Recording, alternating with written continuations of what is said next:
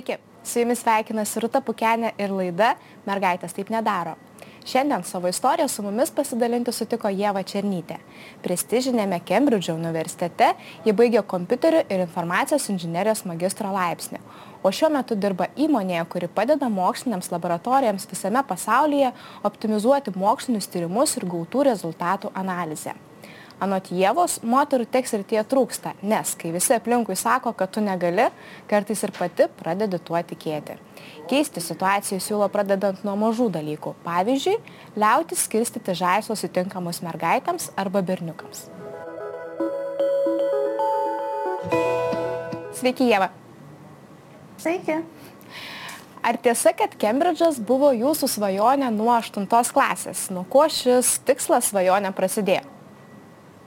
Um, taip, tai tiesa. Um, ir nepasakyčiau, kad labai įspūdinga istorija. Tiesiog aš esu į tikslą orientuotas žmogus.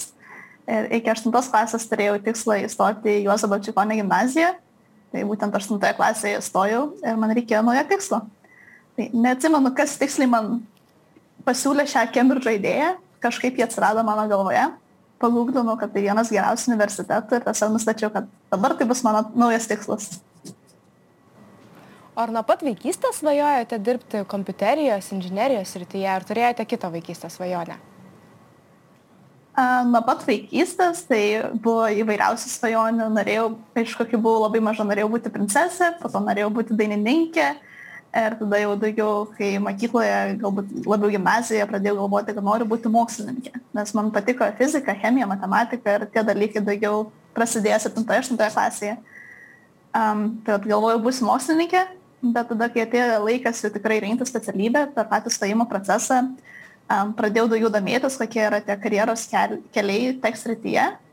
Ir kažkaip bent jau mano akimis mokslininko kelias pasirodė labai ribotas, o inžinierija atrodo toks kaip aukso viduriukas, kur yra ir ta teoretinė analizė, bet to pačiu ir yra ta teorija paverčiama į praktiką. Um, tai atrodė žymiai linksmiau. Tai būtent po to ir pasirinkau, čia buvo 11 klasė, pasirinkau, kad noriu būti inžinierė visgi. Labai gražu klausyti, kaip jūsų šypsina pasakot apie mokslus geriausioje Panevežio mokykloje Balčikonio gimnazijoje, vėliau studijas Kembridžo universitete, bet sakykit, buvo dar paauglė, o čia inžinerijos mokslai. Ar nuo pat pradžių taip struktūravot savo kelią ir kas na, padėjo laikytis jo neišklystant?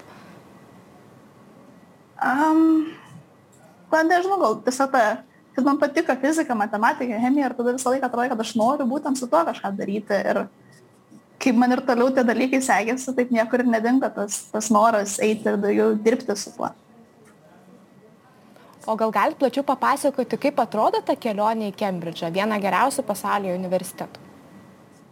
Aš galiu pasidalinti savo kelionę tada daugiau bendrais tokiais galbūt patarimais, kaip, galima, kaip atrodytų šiandien, bet nemažai dalykų pasikeitė su Brexitu. Tai ką aš sakau, gal nereiktų imti kaip absoliučią tiesą, reiktų pačiam pasidomėti. Um, tai būtent mano kelionė buvo, kad mokykloje man gerai sekėsi ir aš visą laiką norėjau turėti gerus pažymius ir tuomet tiesiog, kadangi man patiko fizika, chemija, matematika, aš norėjau daugiau su tuo kažką daryti, aš dalyvavau olimpiadose, e, lankiau papildomas mokyklas, būdavo vasaros atostogos, net atostogos vasaros stovyklos, kur su bendraminčiais kartu leisdavom vasarą laiką ir to pačiu dar pasimokydavom ir fizikos Um, ir tiesiog būtent tokie dalykai man padėjo e, įstoti.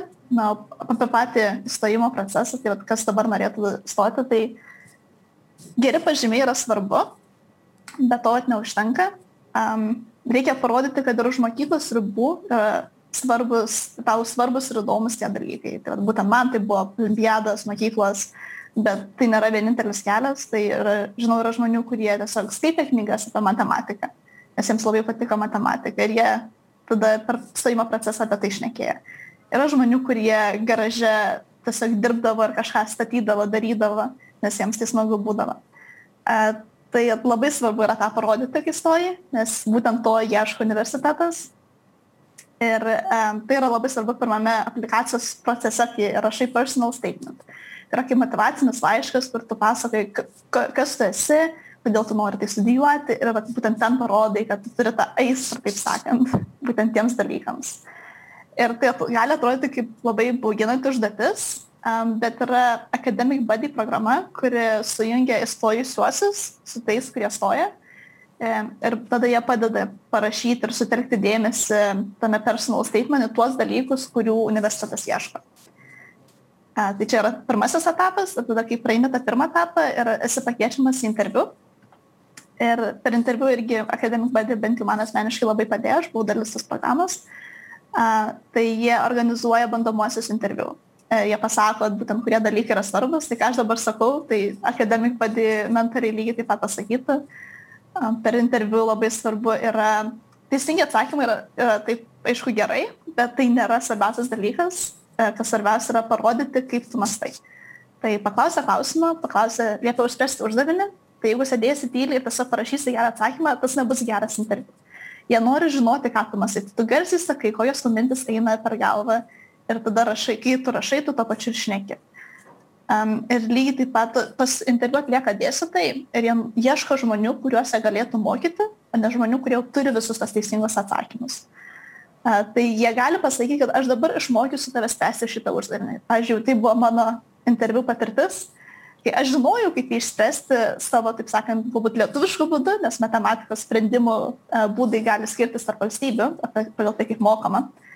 Ir jie sako, aš dabar tave išmokysiu, kaip šitą spręsti. Ir yra tas noras, kad aš žinau ir aš galiu, bet reikia klausyti, ką sako e, dėstytojas ir reikia tai aktyviai priimti, nes būtent to jie ieško jie ieško žmonių, kuriuos jie gali išmokyti. O žinau, kad e, ne tik patekimas į Kembridžą yra sunkus ir komplikuotas, užsiminėte šiek tiek apie tai, bet ir patys mokslai. E, jūs esate su moksleiviais dalyjusius istoriją, kad vienas dėstytojas neturėjo pliušinę bežinėlę, kurią paleisdavo į mėgančius studentus? Taip, buvo vienas toks dėstytojas ir jo paskaitos būdavo 9 ryto, kas tai yra anksčiausia paskaita.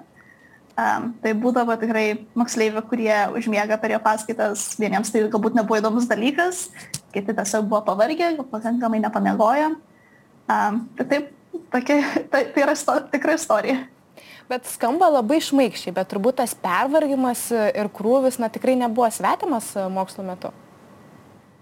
Um, tai aš sakyčiau, tas nuovargis, kur yra užmiegama, um, ar tas laikinas toks nuovargis, tai taip yra kelios sunkios savaitės, um, yra didelis krūvis, galbūt nepakankamai pamiegi. Tas, tas tikrai yra ir aš manau visur yra, kad ir Lietuvoje greičiausiai laikai egzaminus, tą savaitę prieš egzaminus bus tikrai sunki. Um, tai tas yra visur, kur, kur bestudijuosi, manau, tas yra visur. Um, bet pervargimas, sakyčiau, yra rimtesnė problema ir, ir skirtingai nuo nuovargio. Um, tai pervargimas daugiau yra, kai ne tai, kad tiesiog nori miego ar užmiegi per paskaitą, bet kai tavo smegenis tiesiog pavargsta ir jau sunku daryti ir mąstyti. Ir tas daugiau atsiranda nuo chroniško e, streso. Um, tai man asmeniškai tas nebuvo svetima, nes aš turiu savo labai aukštus standartus, visą laiką noriu viską labai gerai padaryti ir kas daugiau man asmeniškai galbūt streso sukelia. Bet tai tikrai nėra istorija visą Kembridžo um, universiteto moksleivių. Dauguma tikrai baigė universitetą ir ne kartą nebuvo pervargę. Galbūt buvo pavargę ir užmigo pat paskaitą, bet nebuvo pervargę. Bet ar tiesa, kad Kembridžo universiteto studentams net ir dirbti nuolatinį darbą nėra leidžiama? Um, tai nebūtinai nuolatinis darbas. Um, aš nepasakyčiau galbūt, kad tas yra labai oficialiai draudžiama, uh, bet tai yra duodamas kaip gidas, nes yra labai intensyvūs mokslai, e, kai jie vyksta, kai yra sesija, kai yra trys trimestrai, mes tai vadinam sesijomis. Tai kai, kai tas vyksta, tuomet tu turi labai įtemptą dienotvarkę ir tiesiog būtų fiziškai neįmanoma suderinti ir, ir mokslus, ir dar ir darbo dienotvarkę. Ir kaip pagrindinis motivatorius darbo yra e, finansai, vietoj to, kad studentai blaškytųsi nuo mokslo ir ieškotų darbo, kad gauti pinigų, jeigu finansai yra problema, universitetas tiesiog siūlo finansinę paramą, nes mokslai turėtų būti pirmoje vietoje. Bet kai, kitiems žmonėms, aš, aš žinau kelis Kembridžo studentus, kurie labai norėjo būti youtuberiais, tai jie kurdavo video studijuodami, niekas jiem, jų jie neuždraudė jiems kurti video, bet tai buvo galbūt kaip hobis, nebuvo ne, būtinai darbas. Um, bet tiesiog, jeigu finansai yra pagrindinė priežastis, kodėl tu nori dirbti, universitetas siūlo tiesiog finansinę paramą. Bet aktyviai laiką tikrai leidote ir jūs, pradedant nuo paauglystės e, mokykla, 400 iš brandos egzaminų, Kembridže studijos e, iki magistro, Latino Amerikos šokiai dar karto, kartu be to. Sakykit, kokios yra tos jūsų produktivumo pamokos, kad neužmigtumėt per paskaitas ir kad ta bežionėlė pliušinė neskrėtų jūs? Um, tai pati didžiausia pamoka, sakyčiau, galbūt šiek tiek nėra tokia intu, intuityvi, tai kad produktivumui didžiausią įtaką turi poilsis. Nes jeigu nepalisėsi, nepalisėsi, tu gali praleisti visą dieną kažką darydamas, tiesiog esi pavargęs ir tu visą dieną ir užtruksi darydamas tą dalyką. Bet jeigu tu pailsi, tu tą dalyką gali per pusdienį padaryti. Ir, ir tas polisis tiesiog yra toks svarbus ir, ir dažnai sunku, arba dažnai mes pamirštame apie tai, mes tiesiog norim būti produktyvus, norim daug padaryti ir pamirštam kad reikia ir palisėti. O Jėva, kaip gyvenate šiandien? Žiūrovams dar nesakėme, bet e, ir sveikinamės ir kalbame su jumis iš Kembridžo. Taip, tai aš esu Kembridže, pasilikau čia po universitetą, nes yra labai daug darbo galimybių aplink universitetą, kadangi iš laboratorijų būna atsiranda naujų kompanijų. Um, ir to patie, prie to paties ir Londonas yra labai netoli, tai labai patogu. Um, na šiaip gyvenimas šiandien sakyčiau norėčiau papasakoti kažką labai įspūdingo bet deja dėl dėl kovido tai vis dar dauguma smagių dalykų yra draudžiama anglijoje. Tai gyvenimas pakankamai paprastas šiomis dienomis tai darbas draugai sportas mityba um, ir tiesiog laukiu nesulaukiu kada galėsiu pasiskiepyti vėl galėsiu eiti šokti galėsiu keliauti bet kol kas anglijoje mes dar turim to laukti kaip atrodo jūsų darbas? Kaip jį pavyko jį gauti? Ar kembridžo universiteto absolventai yra graibstomi dar iš universiteto suolų ar vis dėlto teko pakovoti dėl savo vietos tech srityje? Um, būtent inžinerijoje uh, mes turime reikalavimą studijų, kad uh, iki trečių metų mes turime turėti bent aštuonias savaitės darbo praktikos. Ir kadangi tai yra reikalavimas, e, mes turime ieškoti praktikos e, ir po pirmų metų, ir po antrų metų vasaromis. Ir mums yra suteikiama šiek tiek tokia pagalba. Yra sąrašas kompanijų, kurios yra linkusios samdyti pirmakursius, nes, aišku, pirmakursiai dar nieko daug nemoka. Um, ir būtent su ta pagalba aš turėjau darbo praktiką po pirmos vasaros, ir po antros vasaros, ir po trečios vasaros. Ir kompanija, kurioje šiuo metu dirbu, uh, tai buvo kompanija, kur aš dariau praktiką po trečios vasaros, tiesiog praktikos pabaigoje jie man pasiūlė darbo poziciją. Tai neturėjau labai dėl jos kovoti, arba dėl, neturėjau kovoti dėl pilnos darbo pozicijos, aišku, turėjau kovoti dėl praktikų. Um, tai tas iš, iš Kembridžo pusės labai padėjo, kad mes buvome kaip ir nuo pat pradžių verčiami eiti ir ieškoti darbo praktikos. Ar daug kolegių moterų turite, kaip atrodo IT situacija Junktinėje karalystėje lyčių aspektų? Mano kompanija nėra labai daug moterų, aš jau turiu moterų kolegių, bet sakyčiau gal kokie 5 procentai. Um, o pačioje Junktinėje karalystėje pasidomėjau yra 2019 metų statistika, kad tai yra apie 25 procentus. Didelis šis jums skaičius ar mažas? Um, sakyčiau, galėtų būti geriau, um, bet manau, kad tai yra progresas palyginus su procentais, kokie būdavo, um, kai buvau Lietuvoje ir važiuodavau tas fizikos ar matematikos stovyklas. Kaip tuomet atrodydavo jos? Turbūt būdavot viena iš e, merginų retų tarpė tarp vaikinų? Um, nebūdavau viena, bet tikrai būdavo, kad didžioji dalis yra vaikina. O kaip manot, kodėl moteris nesirenka darbo tech srityje? Nuo ko tai prasideda? Um, aš sakyčiau galbūt, kad, bet man asmeniškai, pavyzdžiui, yra, kad man dalykai sekėsi ir dėl to aš ir noriu eiti ir dirbti su tais dalykais. Ir sakyčiau, kad galbūt tekst rytyje yra, yra reikalingi tokie sugebėjimai, kurie nėra labai vystomi merginos, merginos ir mergaitėse nuo pat mažumė, mažumos, nes tai yra skirstomi žaislai, yra mergaičių žaislai ir yra berniukų žaislai. Tai mergaitė žaidžia su lėlėmis, berniukai žaidžia su lego kaladėlėmis arba su kažkokiais konstruktavimo žaislais. Bet būtent tie žaislai, sakyčiau, ir vysto tą tokį struktūrinį, erdvinį mąstymą, kuris yra labai svarbus. Um, tai jeigu, sakyčiau, daugiau mergaičių žaistų su, su tais žaislais, jeigu mes tiesiog nustotumėm skirstyti, kad yra mergaičių žaislai, yra berniukų žaislai, tiesiog yra žaislai visiems ir daugiau mergaičių pradėtų žaisti su tais tomis lego kaladėlėmis, konstrukt, konstruktorius, tokiai, tokiais rinkiniais, daugiau jos daugiau tų struktūrinio mąstymo išsivystytų ir tada jiems geriau mokykloje galbūt geometrija ar matematika pradėtų sektis, tada kai dalykai sekasi ir nori su jais dirbti. Ir tada atsirastų daugiau to noro eiti ir dirbti teks rytyje.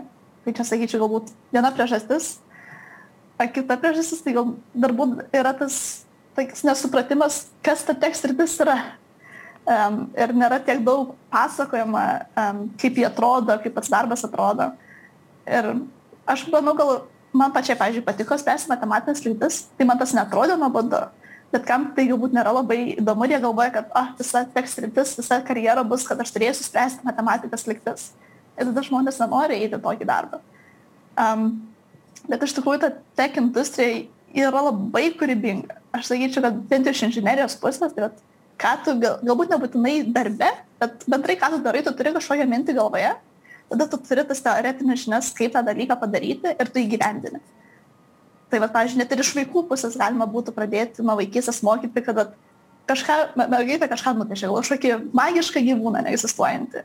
Ir tada jį gali paimti lego kladėlius ir gali tą gyvūną prikelti į gyvenimą iš tų lego kladėlių. Jį gali padaryti jį kaip ir 3D žaisliuką. Ir sakyčiau, kad inžinierija ir ta, ta karjera gali taip ir atrodyti, kad tu turi kažkokią idėją ir tu ją įgyvendini. Ir tu mokydamasi tiek dalykus atrandi sugebėjimus, kaip tai padaryti. Ir tu gali išreikšti tą savo kūrybingumą. Jūs programavimą net esate palyginusi su smagia dėlione, labai originali mintis. Iš tiesų tiek yra džiaugsmo ir žavesio tame. Um, na, tai iš čia, tai neįprasta, neįprastas palyginimas, bet kad ir pats programavimo pasaulis gali būti labai skirtingas tai mano kasdienime darbe tai jaučiasi kaip dėlionė, kai atrodo yra skirtingi dalykai, manęs reikia sujungti arba yra kažkoks, tarkim, parašyti e, kažkokią logiką lengva, bet dabar kur man ją įdėti, kad ji būtų ilgalaikiai gerai palaikoma, kad, kad tiesiog kaip ir tiktų į, į tą dėlionę. Tad tokie dalykai irgi praleidžia laiką darydama ir tai daugiau vat, jaučiasi bent jau man asmeniškai kaip dėlionė, bet tikrai nemanau, kad tai būtų kiekvieno patirtis, nes kai skirtingi žmonės susikaupia skirtingus dalykus ir tuo pačiu tas pasaulis programavimo yra labai įvairus. O jum kada yra tekę susidurti su iššūkiais ar stereotipais dėl to, kad esate moteris ir dirbate tech srityje? Um, man asmeniškai su tuo neteko susidurti, bent jau ne, ne karjeroje. Tai viena tokia galbūt labiau stereotipinė mano patirtis buvo, kai um, tiesiog nunešiau sutvarkyti mamos kompiuterį ir man po to uh, tas žmogus, kuris tiesiog kompiuterį aiškina, kaip jo naudotis, nors aš sakau, kad aš žinau, bet aš, kad aš, kad aš domiuosi kompiuteriais, kad aš su jais dirbu, bet tiesiog galbūt pro vieną ausį ėjo, pro kitą išėjo, nes atėjau, at mergina blondinė, galbūt tokia ne, nepakankamai drąsi ir čia dabar man reikia paaiškinti, kaip naudotis kompiuteriais. O sakykit, ką galėtume pabaigai pasakyti toms merginoms, moteriams, kurios žiūri šią laidą, galbūt irgi bijo, baiminasi, tačiau turi savo gyvenime tikslų, ar tai būtų įstoti į prestižinį universitetą, ar pradėti dirbti teksrityje, kokios galėtų būti, na nežinau, trys svarbiausios jūsų pamokos, kaip pradėti ir išdrysti veikti tai, ką iš tiesų nori ir svajoja. Um, Tai pirmas dalykas, sakyčiau, nustoti klausyti visų kitų žmonių, kurie sako, kad tu negali tą padaryti ir sukurti aplink save um, draugų ar artimųjų ratą, kurie tave skatintų siekti, ko tu nori. Um, nes kai, kai nuolat girdi, kai tau kažkas nesiseka arba kad tu negali to daryti, kad tai bus blogai, tu tiesiog ir pats pradedi to tikėti. Tai labai svarbu sukurti tą tokią palaikomą aplinką. Um, tada antras dalykas būtų tiesiog nepabijoti ir pabandyti. Nes jeigu pabandysi, tai blogiausia, kas atsitiks, nepasiseks ir tu to dalyko negausi. Bet jeigu tu nepabandysi, tai šimtų procentų garantija, kad tu to dalyko tikrai, tikrai negausi. Tai tiesiog pabandyti. Um, ir vienas pakankamai, galbūt, ne, nežinau, iš kur tas skirtumas atsiranda, bet yra tas, kad um, merginos aplikuoja į darbą tik tais, jeigu atitinka 100 procentų reikalavimų, o vaikinai aplikuoja, jeigu atitinka 60 procentų. Tai vat, iš merginų pusės tada būtų, kad net, net jeigu netitinki visų reikalavimų, tiesiog tikėti savimi, kad tu atitinki pakankamai, ko netitinki, tu išmoksi labai greitai. Ir tada nepabijoti, aplikuoti ir ne, ne, nelaukti, kol tu būsi tobula tam darbui arba tam mokslui ar tai sričiai. O kokių profesinių iššūkių savo esate numačiusi, kaip save matote ateityje? Ah, tai sudėtingas klausimas. Um, tai tiesiog pati bandau dar išsiaiškinti, kur aš tiksliai noriu eiti, nes, kaip sakiau, programavimo pasaulis yra labai platus ir atrodo tiek daug skirtingų dalykų yra, kuriuos aš noriu, tai vis dar kurpiu planą, kaip man gauti visus tos dalykus, kurių noriu ir kaip tai nueiti per, per, per darbą ar per, karjer, per savo asmenę, asmeninį tobulimą. Um, tai vis dar toks dirbantis planas, dar negaliu jo atskleisti. Na, bet labai tikiuosi ir kad jums pavyks pasiekti tai, ką svajojate ir galbūt mums šiandieną neišduodate. Labai noriu padėkoti jums už pokalbį ir šį kartą atsisveikinu. Ačiū jums, Jėva. Ačiū jums. Iki. Iki. Ačiū ir jums, žiūrovai, kad buvote kartu su mumis. Padėkoti taip pat norėčiau ir laidos remėjui bei ambasadoriui Baltika Madeos. Iki.